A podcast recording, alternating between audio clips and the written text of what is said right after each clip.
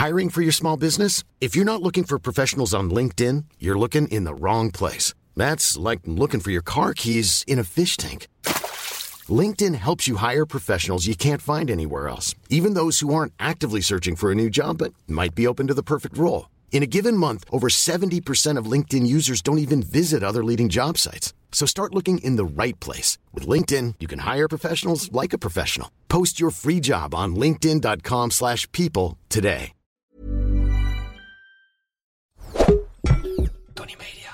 Het is oorlog in Europa. Gaan we allemaal dood in een kernoorlog? Nee, ik denk het niet. Gaat deze oorlog de wereld veranderen? Dat weet ik zeker. In samenwerking met Dagblad Trouw probeer ik met deze podcast grip te krijgen op de oorlog. Elke dag houd ik je op de hoogte van de situatie in Oekraïne en Rusland. Maar eerst even dit. En dit gebeurde er op dag 71 van de oorlog. Opnieuw een dag waarop luchtalarmen in elke regio in Oekraïne afgingen. Is een herinnering dat elke Oekraïner wel op de een of andere manier heeft te maken met de oorlog op dit moment. In de Donbass heeft het Oekraïense leger een belangrijke strategische overwinning geboekt. Ze hebben een aantal dorpen ten noorden van Kharkiv heroverd op de Russen. Dat is al vanaf vorige week vrijdag aan de gang. En door de inname van die dorpen zitten de Russen verder van de stad Kharkiv verwijderd, de tweede stad van Oekraïne. En de afstand is te groot voor Russische artillerie, dus minder bombardementen. Tot deze week waren in Kharkiv elke dag tussen de 50 en 80 inslagen. En nu zijn dat er nog maar 2 tot 5. Dus dat is heel goed. Het Finse ministerie van Defensie meldde dat een Russische transporthelikopter even in Fins luchtruim bevond. Fins luchtruim is gesloten voor Russische vliegtuigen, net als trouwens de rest van de Europese Unie. Um, de helikopter vloog vijf kilometer in Finland om daarna weer terug te keren. En dat gebeurt op het moment dat de NAVO grootscheepse oefeningen doet in Finland. Ook 3000 Finse soldaten doen mee. Finland is geen lid van de NAVO en is neutraal geweest sinds de Tweede Wereldoorlog maar staat op het punt om lid te worden sinds de invasie van uh, Oekraïne. Bondskanselier Scholz sprak hierover in Berlijn met zijn collega's uit Finland en Zweden. Zweden is ook neutraal nu en overweegt ook de NAVO. En Scholz zei niet uit te sluiten dat Rusland nog een ander land binnen gaat vallen, zoals Finland. De Europese Unie heeft een akkoord bereikt voor de stop van de import van Russische olie. Binnen zes maanden moet die import volledig stoppen. En dan zullen de brandstofprijzen en daarmee alle andere prijzen natuurlijk gaan stijgen. Dat zal nog harder gaan stijgen als China weer uit die rare lockdown is. Rusland intussen is hard op zoek naar andere afnemers voor de olie. Er is een account op Twitter waar je Russische olietankers volgt naar andere plekken. Ja, vind ik dus echt een fascinerend account. Ik heb een link in de show notes gezet. Oorlog of niet, sowieso gewoon confronterend hoeveel olie de wereld consumeert, ondanks natuurlijk alle zonnepanelen en windmolens. Veel van die tankers die uh, gaan nu richting India. Uh, daar is de afname van Russische olie enorm toegenomen. Voor de oorlog was dat 300.000 vaten per dag. En nu is dat al 700.000 vaten per dag. Dus dat is een flinke stijging. Maar goed, dit is wat er gebeurde in de Russische media. Een veel gedeelde video in Oekraïne is een eh, bezoek van Angelina Jolie aan Lviv eerder deze week. Zij was in Lviv als speciaal gezant voor de vluchtelingenorganisatie van de Verenigde Naties. En op het filmpje loopt ze een koffiezaak binnen en bestelt koffie en een croissantje. Nou, in die zaak is natuurlijk iedereen in rep en roer, want ja, het komt niet zo vaak voor dat een Hollywoodster naar Oekraïne komt, laat staan in oorlogstijd. Maar het gaat in het filmpje niet om Angelina Jolie, maar om de jongen die op de voorgrond zo verzonken in zijn telefoon met oortjes zit, dat hij van de hele ophef helemaal niks meekrijgt. Of dat überhaupt Jolie in die koffiezaak is. Nou, uiteraard is dat een dankbare bron van een heleboel memes. Uh, vooral een populaire meme is dat de jongen waarschijnlijk een video aan het kijken is van Russische tanks die worden opgeblazen. Ja, die filmpjes zijn razend populair in Oekraïne. En ik zie ze ook vaak genoeg op mijn tijdlijn langskomen. En het is best verslavend beeld. Ik ga er toch altijd naar kijken tot het moment dat die is opgeblazen. En ik heb daar altijd een dubbel gevoel bij. Aan de ene kant geeft het veel voldoening en ja, zal die tank nu niet meer zorgen voor dood en verderf. Maar in die tank zaten natuurlijk een paar arme jongens. Nou, vind ik zielig. Uh, die video is zo populair van Angelina Jolie dat de Russische media hem niet konden negeren. En de krant Komsomolska Pravda heeft dan een artikel geschreven over de half opgegeten croissant van Jolie. Die had ze kennelijk daar laten liggen. Een medewerker van die koffiezaak had uh, die halve croissant op een veilingsite gezet. Dat was duidelijk een grap, want hij vroeg 1 miljoen hryvnia, dat is de munt van Oekraïne. Is omgerekend 32.000 euro. Maar volgens de Russische krant, die nam het dus doodserieus en is dit een teken van Oekraïnse hebberigheid.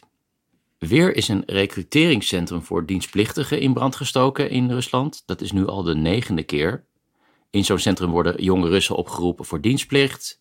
En door in brand te steken hopen de daders de database met gegevens voor dienstplichtigen te vernietigen. Dit gebeurde de laatste in ieder geval in de stad Nizhnevartovsk in Siberië. Ja, eh, ik heb beelden gezien van de beveiligingscamera en je ziet iemand twee molotov cocktails naar binnen gooien. Het benadrukt maar weer eens de angst in Rusland voor mobilisatie. Op dit moment zitten er officieel alleen maar contractsoldaten in Oekraïne. Maar eigenlijk zijn er al, uh, nu ook al dienstplichtigen daar bezig. Maar de angst is dat als Poetin Oekraïne de oorlog verklaart, dat hebben ze nog steeds niet gedaan, en dus het land wordt gemobiliseerd, uh, ja, uh, dat er dan een heleboel dienstplichtigen naar het front worden, gestuurd. En volgens sommige bronnen zou het verklaren van de oorlog gebeuren tijdens de viering van de overwinning op de Duitsers uh, op 9 mei. Verder meldt Kira Jarmusch, de persvoorlichter van de oppositieleider uh, Alexei Navalny, die in een Russische gevangenis zit, dat Navalny wordt overgeplaatst naar een extra beveiligd strafkamp met de fantasievolle naam strafkamp nummer 6 in de provincie Vladimir, ten oosten van Moskou. Dat zou slecht nieuws zijn, want zelfs voor Russische begrippen is dit een beruchte gevangenis. En dat zegt wat, want Russische gevangenissen zijn uh, vaak krankzinnig vol. En uh, tuberculose is een groot probleem, uh, ook in verband met de kou die er vaak heerst in, in die gevangenissen. Mijn Russische vriendin in Petersburg, die woonde in de buurt van zo'n gevangenis. En als ik dan niks te doen had, dan ging ik daar altijd even kijken. Want op de stoep van die gevangenis stonden altijd wel vrouwen van gevangenen. En die gevangenen stuurden dan berichtjes naar ze toe met een blaaspijpje. Ze hadden een briefje in een blaaspijpje en die uh, blies ze zo de, de tralies uit. En die, lazen, ja, die vrouw die lazen dat dan vervolgens en die antwoordde dan op een non-verbale manier. Ik probeerde altijd te raden wat ze zeiden uh, aan de hand van die gebaren. Meestal had het volgens mij wel iets met seks te maken. Hoe dan ook, geen blaaspijpje voor Navalny. Um, dit is een veel strengere gevangenis. En bovendien is het een gevangenis waar geen regels zijn. Uh, er heerst van binnen gewoon anarchie. Er is daar een lange lijst van gevallen van mishandeling, verkrachting en zelfs zelfmoord van mannen die alles niet meer aankunnen. Daar zal het Kremlin denk ik niet rouwig om zijn. Uh, als Navalny op een of andere manier om het leven komt.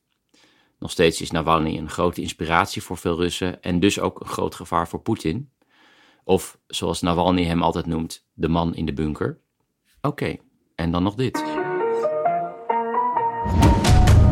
Ja, Oekraïne en Rusland lijken een soort strijd te voeren om de tofste oma van het land. Aan het begin van de oorlog ging een video viral van een Oekraïense oma in de regio Gerson. Uh, en zij probeert een Russische soldaat te overtuigen om zonnebloempitten in zijn zakken te stoppen.